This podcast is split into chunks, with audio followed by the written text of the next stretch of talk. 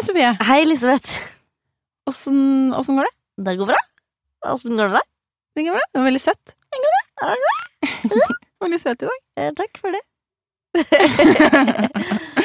Vi har hatt ny gjest. Mm. Eh, og denne gangen er det en eh, casting director. Casting director. Ja, vi har hatt inn uh, Jannicke Bervel fra Cannibal Casting. Mm. og hun snakker om, selvfølgelig, casting. Eh, og hele den prosessen, og alt rundt det. Ja. Veldig interessant. Du burde høre på denne Ja, det er episoden. mye tips. Det er mye gode, gode ting å hente fra denne episoden her. I hvert fall for skuespillere, da. Yep. Og så er det kanskje noen tips hvis man har lyst til å begynne, Begynne. å jobbe med casting. Ja, og begynne å jobbe med film og TV. Ja. Det er litt for alle. Det er litt for alle og enhver. Ja. En god pose twist i denne Rett og slett. Rett og slett. Ta en lytt, da! Ja, kjør den jinglen, da. Uhu.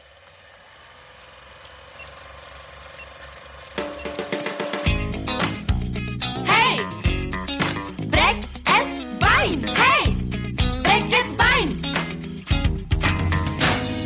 Hei! Hei, Velkommen til podkast. Så hyggelig at du ville komme. det var hyggelig å få lov til å komme. Vil du begynne med å si hva du heter? Jeg heter Janneke Bervel. Um, jeg er casting director, som det heter. Eller rollebesetter. Uh, jeg liker egentlig bedre å si casting director, for det høres litt mer fjongt ut. Ja. Fancy. Ja, men rollebesetter høres ut som jeg har liksom besatt noe. så Det blir så rart. Ja, det er sant. Um, så ja, det, det Sånn holder jeg på. Ja, Og du, hvor jobber du hen? Eller hva du har jo sagt hva du jobber med. Ja, men, Ja, jeg driver et uh, castingbyrå som heter Kannibal Casting. Eh, det har jeg holdt på med siden egentlig siden 1992. Ja. Eh, så jeg er skikkelig oldtimer i faget. ja. Kult. Har du en person eller et eller annet som har inspirert deg til å gå den veien du har valgt å gå? Nei. Nei. Det er bare tilfeldigheter, faktisk. Jeg er utdannet fra Westerdals. ja. Hey. Gikk på Westerdals reklameskole i Jeg gikk ut i 1989.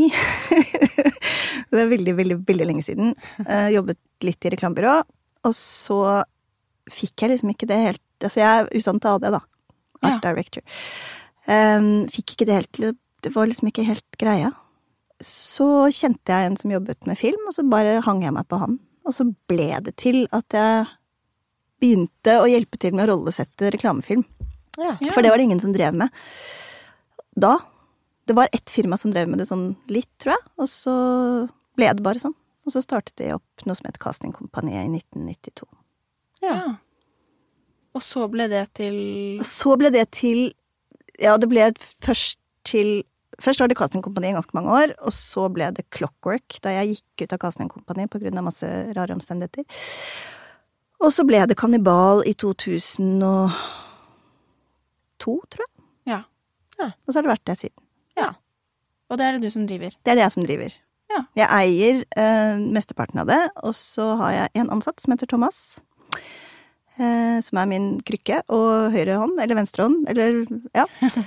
Eh, så er det oss to. Ja. Da tok du oss egentlig litt videre på Ja. neste del, Ja. som er eh, Kanskje du kan fortelle litt om hele reisen din fra da du gikk ut av Westerdals og begynte med dette reklamegreiene, og så har du endt opp her hvor du er i dag? ja, altså det var jo som sagt veldig mye tilfeldigheter som gjorde at jeg eh, sluttet i reklamebyrå og begynte i filmbransjen. Men også fordi at jeg er veldig, veldig, veldig glad i film. Ja. Um, alltid vært. Og alltid vært veldig opptatt av ansikter. Så det var jo ganske um, passende at det liksom ble sånn. Jeg skjønner jo hvorfor jeg endte der. Fordi at jeg har veldig glad i film og veldig glad i skuespillere. Ja. Eh, og så føler jeg selv at jeg har et eh, godt øye for det, da. Og etter hvert så tror jeg andre også skjønte det. At man kunne bruke meg til noen ting som eh, som det, da. Ehm, og det begynte med at jeg, første ordentlige reklamefilmen jeg kastet, var ehm, for Gilde. Og det var uh, Faen i tullen, den, den, den låta, som var liksom hovedpoenget. Det var for spekemat. Og da hadde vi ehm, Jeg skulle finne en gutt som kunne danse halling. Og så skulle jeg finne en vakker prinsesse, og så skulle jeg finne en mann som kunne spille fele. Han skulle da illudere djevelen som spilte fela baklengs, for det, det er jo fanetullen er jo fanden. Ja. Og så var det en skuespiller som het Nils Sletta, som eh, tror jeg hadde spilt Fanetullen på teater eller på en eller annen forestilling en gang, så han syntes at det var kjempestas. Og da måtte jeg finne en kjekk gutt som kunne danse halling, og det kunne Mats Sausdal. Ja. Eh, For da, det var før han begynte på teaterskolen, tror jeg. Ja. Så han var liksom bare Han hadde danset med Märtha Louise, og han var liksom med i den derre Leikaringen, eller hva det heter for noe, Oi, på Bygdøy. yes. Ja. Og så eh, fant jeg en nydelig jente som heter Cecilie Schwartz, som uh, lina på prinsessa. Så de tre var liksom på en måte hovedelementet i denne reklamefilmen, og det, var, det ble en sånn kjempesuksess. Det var liksom ikke måte på, for filmen var så fin. Jeg skulle ønske jeg hadde den, men det, den finnes sikkert bare på sånne dårlige kopier som man ikke kan Hva heter det for noe? Adapt. Ja. Ja. Eh, men det var liksom begynnelsen på det. Og så bare ble det til at det stedet jeg satt og jobbet på da, som heter Film Factory, var en, eh, et reklamefilmproduksjonsselskap. Eh, og så begynte andre produksjonsselskaper å ringe og spørre om jeg kunne bidra. Og så gjorde jeg bare det, for det var liksom ingen andre som holdt på med det, på en måte. Bortsett fra Folk og Film, tror jeg eksisterte da, ja, ikke. Ja. men bare så vidt. Det var liksom min spede start. Men hvor fin... Hvor, eller, ja, nå har du jo et svært castingbyrå, men hvor, hvordan fant du folk før da? Nei, det som var, var at Film Factory hadde et stort eh, mappelager med bilder ikke sant? Hver gang de hadde laget film, så hadde de samlet masse skuespillere eller statister eller whatever i en mappe, og så hadde folk skrevet navn og telefonnummer, og så lagt igjen et polaroidbilde. Og det overtok jeg på en måte, og så tror jeg de hadde fått tak i noe fra NRK.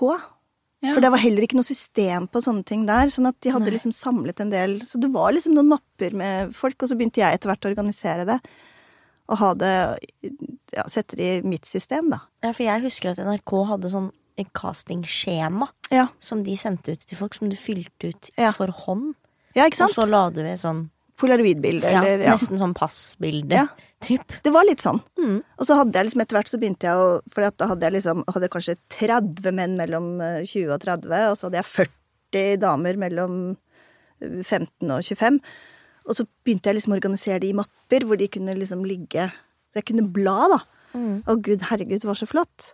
Og så hadde jeg lange rekker med sånne mapper etter hvert. Og til slutt så var det så mye mapper at jeg måtte gjøre det digitalt. Ja. Ja. Og det tror jeg vi kanskje gjorde i 1998 eller noe sånt. Så fikk vi alt digitalt. Det tror jeg vi var de første som gjorde, faktisk. ja. Men nå med Facebook og sånn, nå er det vel ikke noe vanskelig å nå ut til folk? Eller, Nei, det er det? ikke det. Og det er jo, altså, det er jo Folk har jo veldig, veldig veldig lyst til å være med på film, sånn at det er Ja. veldig lett å få liksom folk inn. Mm. Og vi bruker ofte Facebook som søkemotor. Mm. Men det er mest liksom hvis vi Hvis det er noe vi ikke har, sånn som barn, for eksempel. Mm. Ja, ikke sant. Ja. Fordi at det, barn utvikler seg så fort og forandrer seg så fort, sånn at det å ha liksom en toåring i arkivet, det etter bare et år så er jo det er et helt, det annet, et helt menneske. annet menneske. Ja, ja. så det har vi sluttet med. Og jeg har jobbet veldig, veldig mye med barn før. Ja. Jeg gjorde mye barneinstruksjon på Ja. spillefilm og reklamefilm. ja. Ikke sant? Hvordan gjør man det?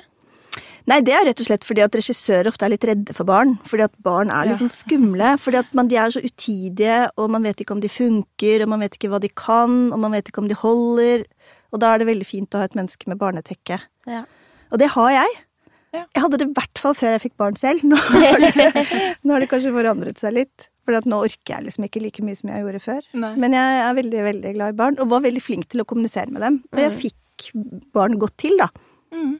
Så uh, da ble det mye barneregi på meg på større produksjoner. Ja. Det var veldig stas, altså. Ja. Særlig fordi at man kan bli litt sånn Man blir ikke lei av å jobbe med casting, men det er, det er jo veldig likt. Selv om det er veldig forskjellige prosjekter, så er det Altså, jobben min er jo relativt lik, og da er det godt å komme seg litt ut og være på sett. Ja. Det er jeg veldig, veldig glad i. Mm. Ikke sant? For eh, de som kanskje ikke har vært på så mye casting før, har du lyst til å fortelle hvordan, hvordan er castingprosessen hos dere på Cannibal? Um, den er som følger. Hvis vi skal ta for oss Vi la oss ta en spillefilm, da, for det er kanskje det morsomste. Mm. Eh, reklamefilm er også gøy, men, men eh, spillefilm jo, eller TV-serier er jo det morsomste. Da er det ofte sånn at vi først kanskje får et manus eller et pitch fra produsent eller regissør, og så leser vi gjennom. eh, og jeg er veldig sånn at når jeg leser et manus, så leser jeg det bare. Jeg tar ikke notater eller Men jeg kommer ganske fort inn på For det er litt sånn som når man leser bøker, at du lager jo ansikter på de menneskene du leser om. Eh, og det gjør jeg jo, men jeg gjør det nok kanskje mye fortere at jeg putter inn skuespillere som jeg bare tenker at å, det var en Pia Tjelta, eller det var en Sofia Splin, eller At man liksom putter inn de menneskene man ser for seg ganske fort, da. Mm. Eh, og det kan være litt farlig òg, for det er jo ikke alltid jeg har den samme meningen som regissøren har. Det er faktisk veldig ofte ikke sånn. Men da får jeg liksom i hvert fall et sånt blikk på hva jeg tenker selv. Eh, og så tar vi et møte, regissøren og kanskje produsenten og jeg. Eh, og så setter vi oss ned og snakker om hva de har tenkt, og så snakker vi om hva jeg har tenkt. Og så tar vi inn egentlig de vi har snakket om, pluss da flere andre som også kan passe til til eh, rollen. Det som er ganske synd ofte, er at det er jo ikke alltid sånne kjempestore budsjetter, sånn at jeg kan liksom holde på å kaste i vilden sky. Eh, ofte så er det sånn at folk ringer og spør om de versene kan få lov til å komme fordi at de har hørt at vi holder på med et prosjekt. Men så vet jeg at vet du hva, vi har en shortlist, og alle de som er på den shortlisten, de er blonde med blå øyne, og du er mørk med brune øyne, og jeg vet at ikke du får den rollen. Ja, men kan jeg være så snill? Jo, men det er bare bortkasta tid, liksom. Det er litt Ja. sånn. Og så er det litt sånn at Ja, og det er jo den grusomme siden av saken. For vi har jo alltid lyst til å gi alle sjansen, men det er jo ikke alltid vi har tid til det, rett og slett. Nei. Men i hvert fall eh, Nå snakket jeg meg litt bort. Men eh, jo, så, så tar vi da inn folk på prøvefilming. Ofte da eh, på improvisasjon, det er jeg veldig glad i. Her er scenen, vi bare snakker om den, og så går vi inn og gjør den. Og veldig, veldig ofte med motspiller. Gjerne en som er innenfor en annen rolle. Mm. Hvis ikke så gjør jeg motspill, men da kjører Thomas kamera. Ja. Det er veldig, veldig sjelden vi gjør sånn at jeg står bak kamera og gjør motspill på en gang. Ja. ja, ikke sant. For det syns jeg er litt sånn Jeg vet ikke Ikke dårlig gjort, kanskje, jo, men litt. Ja, det kan liksom virke litt sånn skremmende Ja. noen ganger, fordi at du eh, det, Jeg syns det er dødsvanskelig å spille til e- et kamera, i hvert fall fordi Ja, ja. at du skal jo ikke se inn i linsa, og det er så mange regler som du må forholde deg til. Så når du da har et menneske som står der, og så er linsa der, Mm. da Ja, det er helt umulig. Jeg, Det- og det er liksom et eller annet En av de eh, tingene jeg har som jeg brenner litt for, da, det er at når folk kommer inn, så syns jeg liksom at vi skal gjøre så godt vi kan for at man skal få en fair chance til å vise hva man kan. Jeg syns det er vår jobb å gjøre folk trygge og føle at de liksom får gjort det de kan. Man kommer jo inn på en audition med ganske lite informasjon. Sant? Dere vet veldig lite om hva dette egentlig dreier seg om, og Ja. alt dere har å lene dere på, er det jeg sier. Og kanskje en scene som dere får lese først. Kanskje. Og da er det et eller annet med at hvis ikke jeg liksom gjør det bra for dere, så kan jo ikke dere gjøre det beste dere kan. Og hvis ikke dere gjør det beste dere kan, så kan ikke jeg levere det beste jeg har. Nei. Sånn at det er jo et eller annet med at vi må jo gjøre dette sammen for at det skal bli så bra som mulig, og da må jeg yte så godt jeg kan. Og hvis det betyr at Thomas står bak kamera og jeg spiller mot, eller omvendt, så, så må det være sånn. mm, Mm. Jeg syns ofte motspill er det beste. For da har man liksom noen å forholde seg til, og Ja. det er så mye som handler om lytting og kjemi og ja. Absolutt. Men så kan det sikkert også være noen ganger vanskelig at det er jeg som leser mot, fordi at den som egentlig er motspilleren skal være en gutt på ti år, og så står jeg der. Ja. Eh, Men allikevel så er det et eller annet med bare å ha et levende menneske som på en måte ikke står For at det, det kameraet kan være så intimidating på en måte, da. Mm. Også når man, når castingansvarlig må eh, på en måte vinkle kamera fordi du beveger deg, men de skal også spille mot deg, Ja, ja. og så må man så Eller så spiller de løpe mot, men etter og- ser ned på skjermen sånn og er sånn Ja, hva mener du med det, da? Ja, nei, det er, det er, det er skikkelig teit. Men Men jeg hadde- tror nok det Ja, unnskyld. Nei, nei, unnskyld. Ja, men vi hadde um, Andrea Brein Hovig inn her, og så forklarte hun bare litt hva hun tenker når hun gjør det. Ikke på audition, da, men på filmsett, hvis det er sånn Spill mot denne røde teipen. Eh, fordi det skal være en kul kameravinkel eller noe. Og da sa hun til oss at vi burde bruke det som heter etyde på skuespillerspråket, da. Og det er rett og slett å bruke den imaginære delen. Eh, at du rett og slett må bare forestille deg Ja. Eh, og det, da hun sa det, så var jeg sånn wow, jeg kommer til å bli en helt annen audition-skuespiller nå. Fordi da er det sånn, hvis den castingansvarlige er nødt til da, å se i kamera og, eller lese manus eller liksom gjøre noen ting, så må du bare Du må kunne forestille deg at ja, men det er jo den dritkjekke gutten. Eller liksom, du må på en måte bare prøve å omstille deg, da. Eh, og det Jeg har vært på én audition siden det, og det har funka, Det har altså. Mm. For det jeg tenker at når du står på et sett, så er du også mye tryggere, for da er du i Ja. det du skal være i, og da er det kanskje også lett Ja, og sånn. og så er du liksom Kanskje du har på deg kostyme, eller det har du stort sett, hvis ikke du er helt naken, selvfølgelig. Da kan det være kostyme. Det er det kostymet. Ja, men, men det er et eller annet med at når du står i en castingsituasjon, så er du jo per deff nervøs, eller du er i hvert fall keen på rollen, eller usikker, Og så vet du ingenting om prosjektet. Du vet, altså, mest sannsynlig så sitter jo alle andre og vet Jeg har en liten pekepinn på at vi leter jo etter en jente som er, har blondt hår og blå øyne, men som har masse bein i nesa. mm, Det vet jo ikke vi. Så, og da ikke liksom få det der motspillet hvor du kan hente noe i ansikt og blikk og hvordan du svarte, eller Mm. Du har liksom ingenting å gå på. Nei, man trenger det. Og det syns jeg er en menneskerett. Enig. Det kan dere ta med dere. Enig. Enig med du. Men så etter eh, Ja, så har dere audition. Så har vi audition, og så um, klipper vi sammen audition. Og det vi ofte gjør da, eller det gjør vi alltid, ta bort de scenene som ikke funker. Ja. Hvis det ikke går, hvis man ikke får det til, det får ikke regissøren se. Men det er jo jeg som på en måte velger hva som funker og hva som ikke funker, da. Ja. Ehm, og så kan jo regissøren innimellom spørre om å få se mer. Er det en scene hvor hun gråter eh, litt mindre, eller ja, det er det, eller nei, det er det ikke. Ehm, men jeg gidder ikke å levere noen ting jeg ikke syns er bra.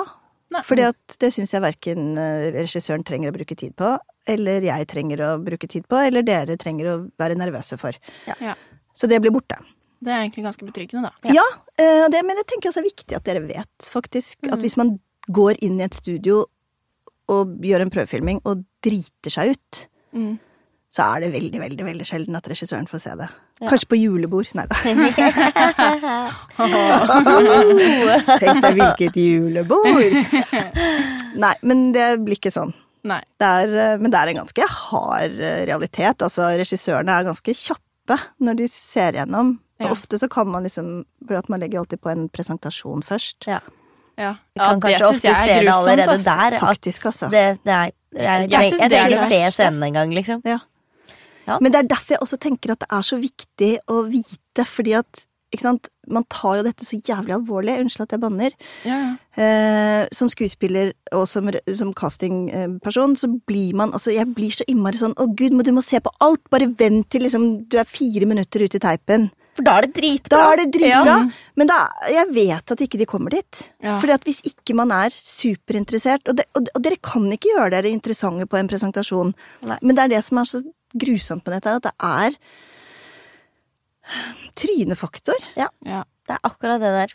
Og det er egentlig litt deilig å høre eh, en caster si det, fordi at eh, vi får på en måte høre det, men så samtidig så vil man ikke helt tro det. At det, nei, men det, det kan jo ikke være sånn. Det, er, Nei, det er fungerer sånn. vel ikke sånn? Jo, Det gjør det. gjør faktisk Men så må man jo også huske på at eh, en eller to eller ti ganger så er det ditt tryne som er riktig faktor, da. Og det er jo også Og det må jo også være litt sånn at det er derfor jeg tenker at stol litt på oss. fordi at hvis vi får en brief av en regissør ikke sant, Jobben vår er jo å gå inn i hodet til vedkommende og vite hva vedkommende ser etter. Mm. Og hvis jeg har skjønt det, og jeg tar inn deg på en casting, så er det jo riktig. ja. Ikke sant? For det er jo også en? Det er en av grunnene til at jeg har holdt ut med dette så lenge, da, er at jeg tror at jeg er ganske flink til å forstå hva de forskjellige regissørene vil ha. Noen regissører Jeg skjønner ingenting. altså, jeg skjønner ingenting. Ja. Og de skjønner ingenting av hva jeg driver med, og det er bare dødt løp. Det er ikke noe vits i å prøve å jobbe sammen engang, for at det går ikke. Nei. Mens andre regissører kan jeg liksom jeg, jeg vet akkurat hvem de vil ha, og jeg kan egentlig bare kaste én. Ja. Ja. Bortsett fra at de vil se ti, da. Eller Ja. 20. Eller noen vil se Jeg hadde en reklameregissør fra Sverige som ville se 50 prøvefilminger på hver karakter. Og han skulle være litt tykk og litt morsom og ligne litt på Steinar Sagen, liksom. Og bare det er ikke 50 skuespillere i Norge som, Som som, er Som det? gjør det. Å, Gud, Det har vi ikke. Nei, det har vi ikke. Oh. Så det var ikke noe vellykket, for å si det sånn. Nei. Ikke sant. Jeg liker jo i en auditionprosess når du har kommet deg forbi det stadiet, for i spillefilm og TV-serier så er det jo ofte flere, mange runder. Mm. Og jeg liker jo ofte runde to og runde tre bedre enn første runden, fordi da har du fått enda litt mer informasjon. Du får liksom litt for hver, hvert steg du klarer å på en måte klatre. Og når du da kommer deg til runde tre, da, og du sitter her og har fått en hel scene, og da når du fått to uker i forveien og kan faktisk jobbe med den, Mm. det syns jeg er gøy. Og da jobber du også kanskje med en skuespiller som allerede har fått rollen. Og kanskje med regissøren til stede Ja. også. Mm. Og det er jo Det skjønner jeg. Mm. Ehm, det er eh, Det er jo selvfølgelig drømmescenario, bortsett fra at du kanskje er enda mer stressa på å få den rollen. Ja, for da har du kommet så langt. Ja. er det Det er, dødskjipt. ja. Det er sånn det samme mellom deg og en til, og så fikk du den ikke. Den er kjedelig. Men da må du tenke, og det tenker jeg er så dritviktig, da må du tenke at vet du hva, det var kanskje 50 stykker inne på den rollen, eller 20 da, Mm. og så var jeg en av to. Mm.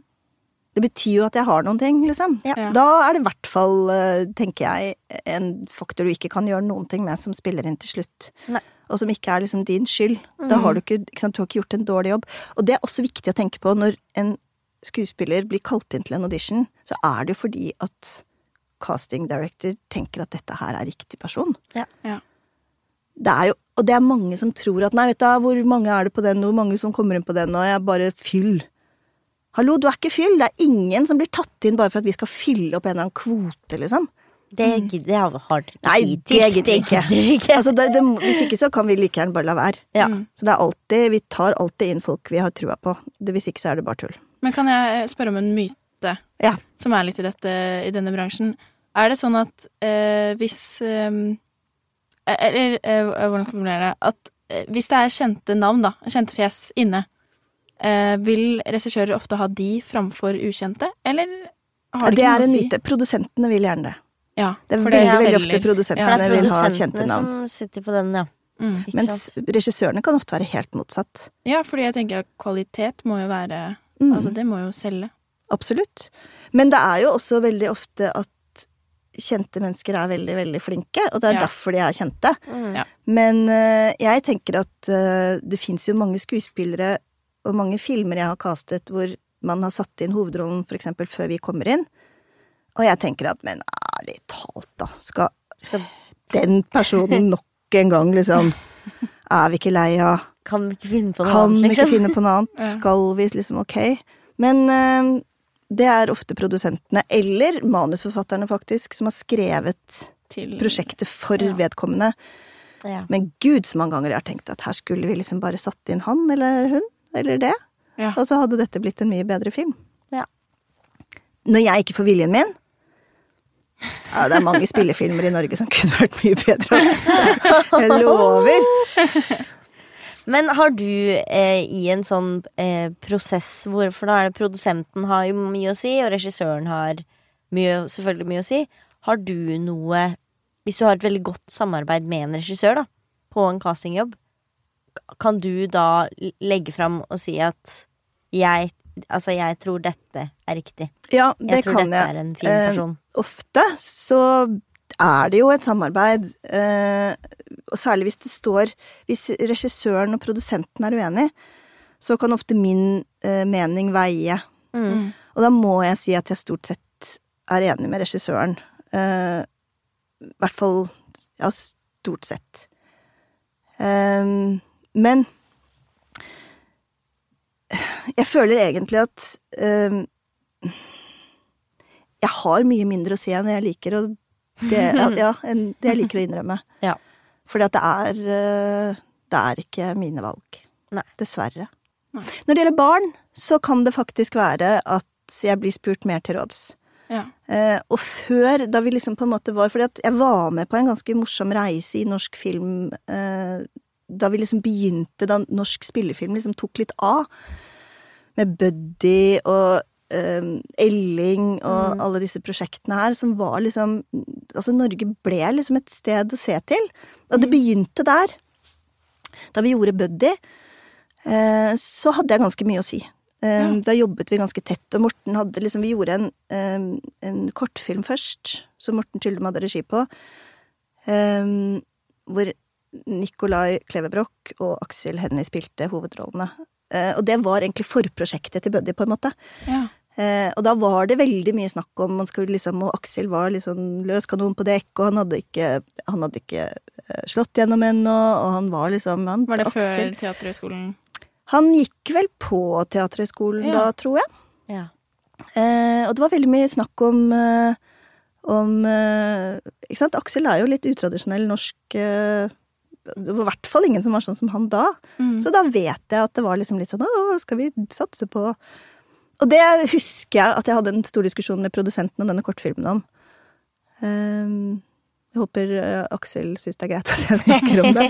Men det var egentlig kjempefint, for det skapte jo liksom for det første et, oi, et veldig bra eh, samarbeid mellom Aksel og eh, Nico, som eh, jeg tror de liksom De gikk jo på hver sin Ja, for de gikk nemlig på hver sin nei, hver sin år i, på teaterskolen. Ja. Eh, og så skapte det også et samarbeid mellom Morten og Nico og Aksel, som jeg vet at de har beholdt i mange år senere. ja. Eh, så jeg følte liksom at Jeg husker ikke hvorfor jeg begynte å snakke om dette. Eh, hva, nei, hvordan kom jeg Eh, I hvert fall. Eh, jo, at jeg hadde påvirkning. For da vet jeg at jeg hadde det. ja. Da vet ja. jeg at Og da var også Morten i startgropen, liksom. Sånn at eh, Ja, det var mer da enn jeg syns det er nå, da. Det har jo gått ganske bra for alle, Det har i vil jeg si. det. Ja. Etter Buddy. Ja, for da lagde jo de Uno etter det. Uno laget de etter det. Ja. Eh, og det kom jo masse, masse etter det. Ja. Eh, men det var liksom begynnelsen på Og særlig fordi at Norge begynte en sånn liten feel good-bølge, som jeg syns kanskje de har hoppet av etter hvert. Ja. Ja. Jeg vil ha mer feel good-film i Norge. Mm. ja, ikke sant. Det er så hyggelig! Ja. Ja. ja, det er det. Mm, ja, eh, men eh, jeg, jeg, jeg, jeg satt og tenkte på filmen, så ble jeg sånn at. Men så begynte jeg tenker sånn at det er så mye Jeg føler at i senere tid så har liksom norsk film kanskje blitt litt kleint. At det har blitt liksom Man prøver å bli, lage sånn romantisk komedie à la USA, og så Og så bare funker det ikke helt. har det blitt sånn at Men- nei, vi bare gjør noe Et prosjekt som jeg føler at fikk det der til. Mm. Hjem til jul på Netflix. De klarte det. Ja, de klarte De det. fikk det til. Jeg bare ble så irritert. Jeg har sagt det til manusforfatterne. Jeg orker ikke sånn åpne døren og så hei! Og så jeg ville vite hvem det var som sto Ja. der. Men jeg vet at jeg, Men nå kommer det sesong to, nå. så Ja. da får vi vite det. Jeg håper vi får vite i sesong to at det ikke var sånn Ja. Det var Jeg ganske håper- morsomt, fordi at hele den serien eh, ble påbegynt i fjor. På denne tiden, akkurat på denne tiden i fjor, så ble Ja. det prosjektet påbegynt. Og da var vi på, i Berlin, fordi at veldig mange norske kastere eh, reiser til Berlin, fordi at det er en stor noe som heter Shooting Stars, som, hvor alle kastere fra hele verden egentlig blir invitert. Vi sitter i et lite sånn castingforbund, det skal jeg fortelle om etterpå, det er veldig morsomt å høre om. Okay. Eh, Minn meg på det. Ja. Eh, men i hvert fall da satt eh, alle vi norske castere og spiste middag sammen. Og så tikker det altså inn en melding på alles mobiltelefoner fra Per Olav Sørensen. er du i Berlin? Eh, hvis eh, nei, ring meg med en gang. Hvis ja, ha det hyggelig. og vi bare ja, vi er i Berlin. Og så kom det liksom lik melding til alle. Faen! Jeg trenger å starte casting på en Netflix-serie nå. Og da hadde vi akkurat kommet, så ingen av oss var spesielt keen på å reise hjem. Men vi var sånn, vi kom hjem på mandag. Nei, det er for sent. Så han castet hele serien selv. Selv? Oi! Ba- Bare for at vi var en langhelg i Berlin på Shooting Stars. Uheldig at alle de norske kasterne hadde dratt til utlandet. Alle var borte. Det var, eh, men han gjorde det selv, og han gjorde det jo kjempefint. Det var Ja, eh, ikke noe å lure på det, altså. Mm. Og nå går de i gang med sesong to. Ja. Tenk på det. Tenk på det. Tenk på det. Det er veldig spennende. Jeg tror det er skiløperen som eh, Du tror det er Tror du det? Jeg tror det. Ja, Jeg tror det er legen, jeg. Oddgeir Tune, altså? Ja. Ja, jeg, jeg, jeg har en knapp på skiløperen. Ja, jeg tror det er skiløperen. Ja, Han kom så godt overens med faren og det, det men han var jo så teit. Ja. Men så sa han jo unnskyld og sånn, da, for at han Å, sorry for at jeg liksom pusha deg, og Ja. at Men da er jo legen litt teit òg. Eller han klarer bare ikke å si det. Nei, men det er det jeg syns er litt hyggelig, da. Hun Ja. hadde ikke skjønt engang at han var keen. Jeg skjønte det jo i første bilde. Ja. Det er fint. Det Det, gjorde er sikkert bra skuespill. Ja. Veldig bra skuespill. det Det jeg tror kommer til å skje, da, er at det er skiløperen som står på døra. Og så Blir det ikke de? blir det ikke de, for det blir legen. Det, det, Ja, blir, det hadde legen, det blir legen til slutt. liksom. Men hva om det er han elskeren sånn, til Å, søren. Det er det han gam, han gamlisen? Ja, han der er gamlisen. Bjørn Skagestad. Ja. Eller Det er rørlegger. veldig kjekk gamlis, da. Det skal han Ja, ja, ja. Veldig kjekk gamlis. Men du må snakke om eh, Ja. Shooting Stars-casting. Ja, nei, ja, dette, ja, men det er nemlig fordi at det var um, Altså for Og dette her var det- Dette er litt selvskryt, faktisk. Det er lov. Ja, det er bra. Vi heier på det. Etter at um, vi hadde kastet Kon-Tiki og Hodejegerne, så var det ganske mye sånn føss rundt Kannibal. Um, fordi at begge disse to Altså, Hodejegerne ble uh, nominert til BAFTA, som er den uh, engelske Oscar. Oscar. -hmm. Og Kon-Tiki ble faktisk nominert til Oscar. Mm. Eh, og dette skjedde omtrent samtidig. Eh, og så får jeg en melding fra noe som heter ICDN, som er International Casting Directors Network. Og i det nettverket så var det ingen norske castere, men dette her er altså en internasjonal um, uh, forening uh, som samler castere fra hele verden. En liten gruppe. Nå er vi 80, men da var vi 40. Ehm, og så får man liksom, blir man invitert ned til Berlin, eh, og alt var betalt. Og, det var liksom, og jeg hadde ikke hørt om det engang. Eh, men de ville ha en norsk caster inn. Og da var det også på grunn av at disse filmene var liksom i vinden, da. Eh, og så tok jeg med meg Thomas, for jeg turte ikke å dra alene. Så jeg måtte ta Ja, men jeg syns sånne ting er litt skummelt. Ja, og så skal jeg møte masse mennesker fra alle land, og så blir jeg sånn blir veldig sånn Fordi at det yrket mitt er liksom Jeg tenker at det er bare jeg som har det sånn som jeg har det.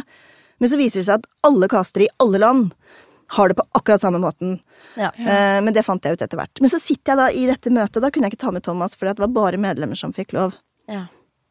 Og så sitter liksom Og det er stort sett damer som driver med casting, av en eller annen merkelig grunn, som jeg ikke har skjønt hva er.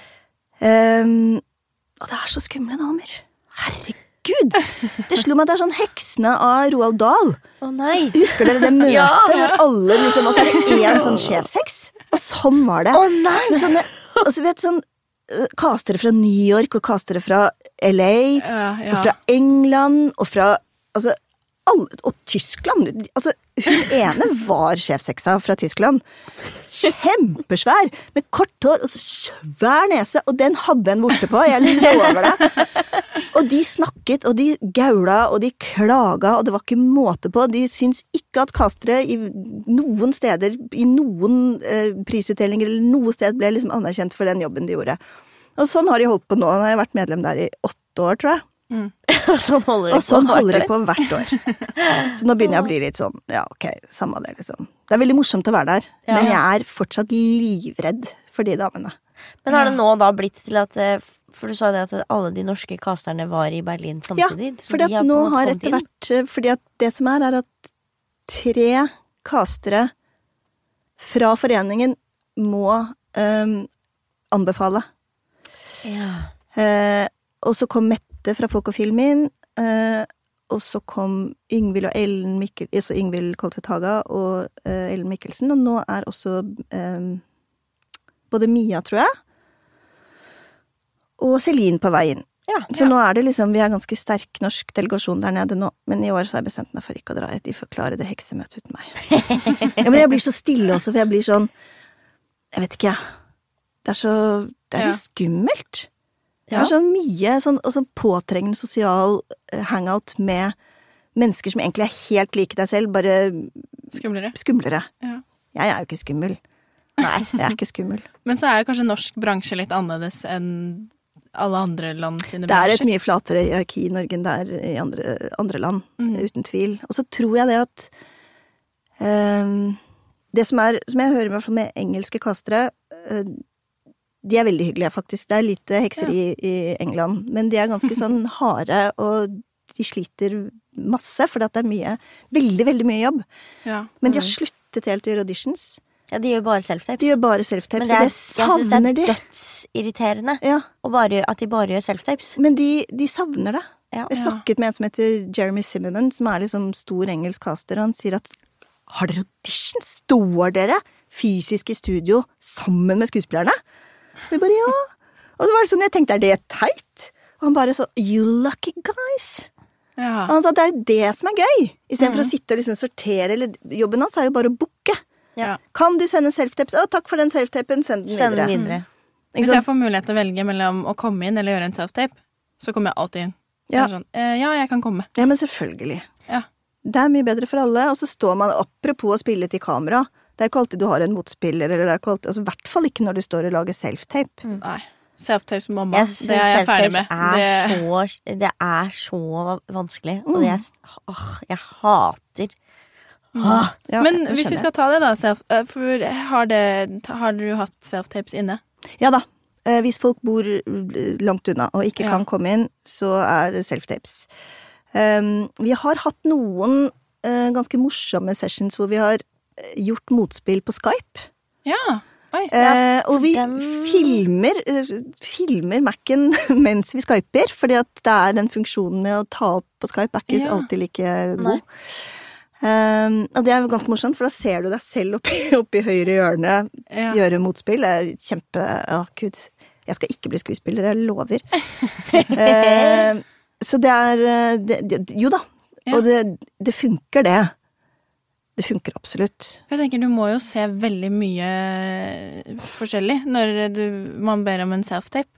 Det morsomste sikkert er når folk skal er filme barna kafé, sine. Eller noen som bare er på hvit vegg, og så er det noen som har dratt ut på, med båt på havet for å filme. ja. Altså, Det er gjør jo alt mulig. Men det morsomste er når folk filmer barna sine sånn halvveis i profil, sånn bort fra alt.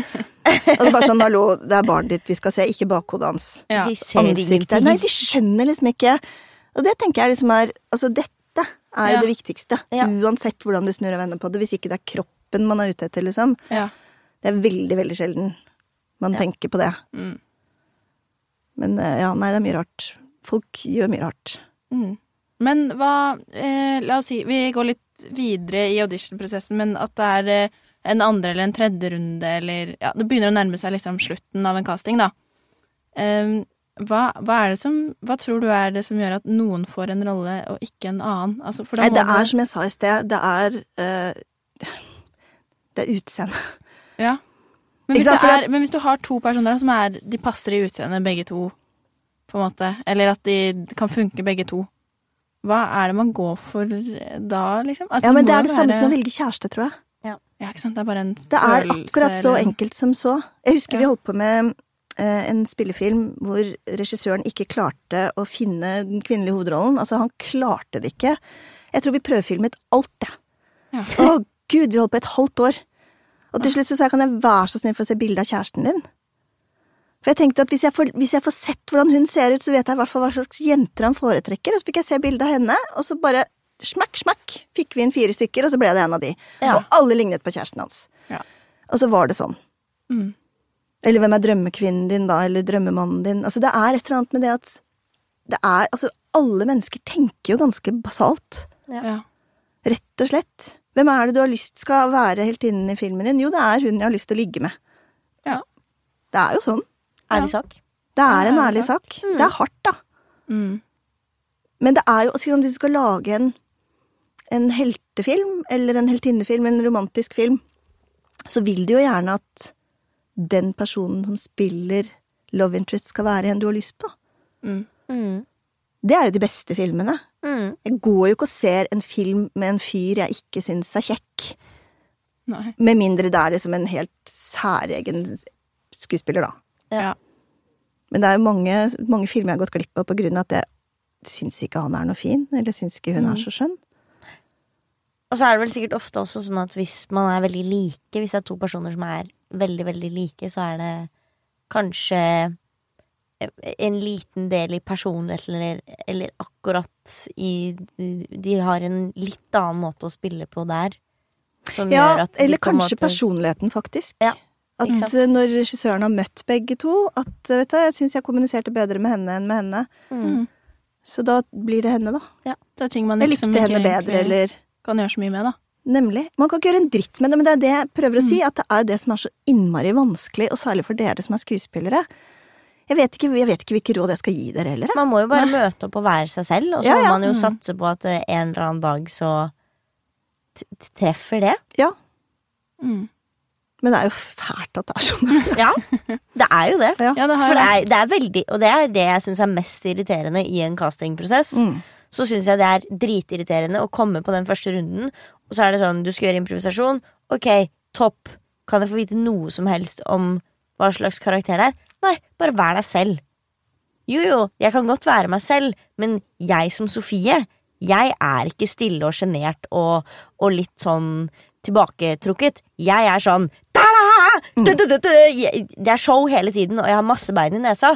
Så hvis dere ser etter en karakter som skal være stille og sjenert, så vil jo ikke jeg Altså, jeg- meg som Nei, Sofie skjønner. vil jo aldri kunne få den. Men hvis jeg hadde da fått den beskjeden om at jo, men hun er litt sånn litt rolig, litt tilbaketrukken, kanskje litt sjenert, da kan jeg i hvert fall prøve å gjøre en take Mm. på det, da. Mm. Og se om i det hele tatt jeg får det til.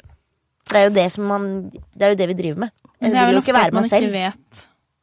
Det er ofte, ja, det er ofte, og så er det ofte sånn at man liksom tenker at vet du, hva, jeg har lyst til å liksom, Det er noe som heter motkast. De bruker det eh, veldig mye i Danmark. Vi er ikke så flinke til å bruke det her. Men å ta inn en eller to eller tre som er stikk motsatt av hva den karakteren egentlig skulle vært. Et veldig, veldig godt eksempel på det er Buddy. Fordi rollen til eh, Anders Båsmo Mm. skulle være en veldig, veldig tynn, veldig, veldig liten, veldig unnselig type. Eh, og vi hadde masse folk inne. Det var liksom ingen som traff. Helt til Anders kom inn. Og han er jo, som vi vet, ikke en bitte, bitte liten, tynn, unnselig type.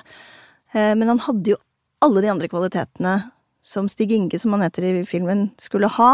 Mm. Og det var aldri noe tvil etter at Anders kom inn. Nei, Enda vi hadde kanskje prøvd altså 100 stykker. Og det var liksom Selv Aksel var inne og prøvde på den rollen. Og han var fin, han. Men det var liksom ikke den derre siste. Og så kommer Anders inn, og han stikker mot alt det vi trodde. Ja. Og så var det han. Mm. Ja.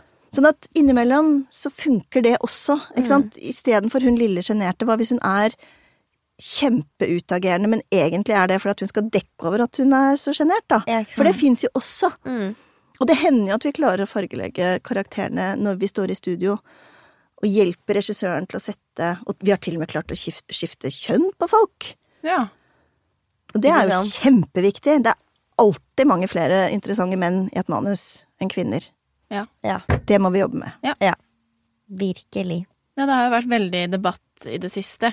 Det har vi jo fått med oss alle sammen, tror jeg. Med casting og, og alle som jeg vet om som var på det foredraget som NSKI hadde, eh, sa at i film og TV så var alle castingansvarlige var veldig positive til eh, tenke nytt og prøve å utvide litt horisonten. Mens at det var mye mer låst på teater. Mm. Ja. At de var mye mer sånn nei men, nei, men det må være mer sånn og Men det er ikke så rart. Du må også huske på at øhm, det er mange flere tradisjonelle stykker i teatret som er Mm. liksom skrevet for kjempelenge siden. Ja. Jeg var og så Madame Butterfly, um, opera, i operaen nå nylig. Aldri vært i operaen før. Egentlig helt latterlig. Altså, jeg har aldri vært og sett en opera før. Ja. um, men det er jo en historie som handler om en 15-årig jente fra Japan som gifter seg med en amerikansk mann som er liksom Han er ikke godt opp i åra, men han er i hvert fall mye eldre enn henne. Eh, og hun elsker ham, og det er ikke måte på. Den historien hadde aldri gått gjennom i dag. Nei. Ikke sant? Og selv om det er en historie fra langt tilbake, så er det et eller annet med at det, er jo også helt jævlig. En 15-åring som gifter seg med en mann på over 30, liksom. Hva er det for slags? Ja. Men det er nå et klassisk operastykke, da. Sånn Mm. at eh, historien er jo på en måte det den er. Mm. Men den ville aldri blitt skrevet på film i dag. Nei. Nei. da ville det vært en annen historie, og kvinneskikkelsen ville vært mye sterkere, mye tøffere, og sikkert like lidende på mange måter, men hun ville jo ikke vært en 15-åring som ble lurt inn i et ekteskap med en amerikaner, i hvert fall. Nei. Med mindre det ble en historie om Om det. pedofili, rett og slett. Ja. Mm. Og det er det ikke. Nei. Vi må runde av. Har Ja. du noen tips? Å, bare fortsett. Fortsett å komme, og fortsett å spørre, og ikke glem å ringe. Jeg må bare si én ting Ja. som er kjempeviktig, for innimellom så er man litt sånn redd for å si fra, og redd for å melde seg, og gud, nå vet jeg at hun holder på med det, skal jeg ringe, skal jeg ikke? Ring. Ja. Fordi at folk har fått store roller som vi ikke har ringt inn, men som har ringt inn selv og spurt kan jeg være så snill få komme. Selvfølgelig. Og hvis vi sier nei, så er det fordi at vi vet Mm. at det er helt feil. passe. Mm. Mm. Men vær så snill og ring. Ja. Vi er like avhengig av dere som dere er av oss. ja, godt å høre. Det er godt å høre. Det er bra. Altså, jeg, jeg har et lite spørsmål på slutten. Ok, Eh, Vær sykt rask. Ja, eh, når, du, når man skal inn på en audition, man blir kalt inn på en audition, så får man en liten tekstbit. Eh, eh, og det er det bare. Og litt info kanskje om karakteren. Hva, hvordan mener du at det er best å forberede seg? Åh, det syns jeg er et vanskelig spørsmål. Ja. Um, Skal man lage seg en karakter hjemme, eller skal nei, man bare, bare spør være og tenk at vi skal forme. Ja. Ok. Fordi at Så er hvis bare å man lære seg lager teksten og seg være en åpen for det. Liksom. Ja, for hvis man Mm. lager seg en karakter, så tror jeg at man, hvis det er helt feil, da, Mm. så kan man ha låst seg i den. Ja, vanskelig å mm. ja. Så ikke gjør det. Så det er bedre å bare lære seg teksten og komme og være åpen for Ja, det så tenker jeg ikke lær deg teksten heller. Nei. Med mindre du får veldig streng beskjed om det. For ofte så kan man også låse seg i teksten hvis man Ja. sier nei, nå skal vi improvisere, og så mister man litt av den improvisasjonsgleden. Ja, ja. ikke sant. Men vi sier fra hvis dere trenger å lære en tekst, altså. Det er bra. Mm. Det er bra. Tusen, tusen takk for at du kom. Ja, Takk for at jeg fikk komme. Kjempehyggelig.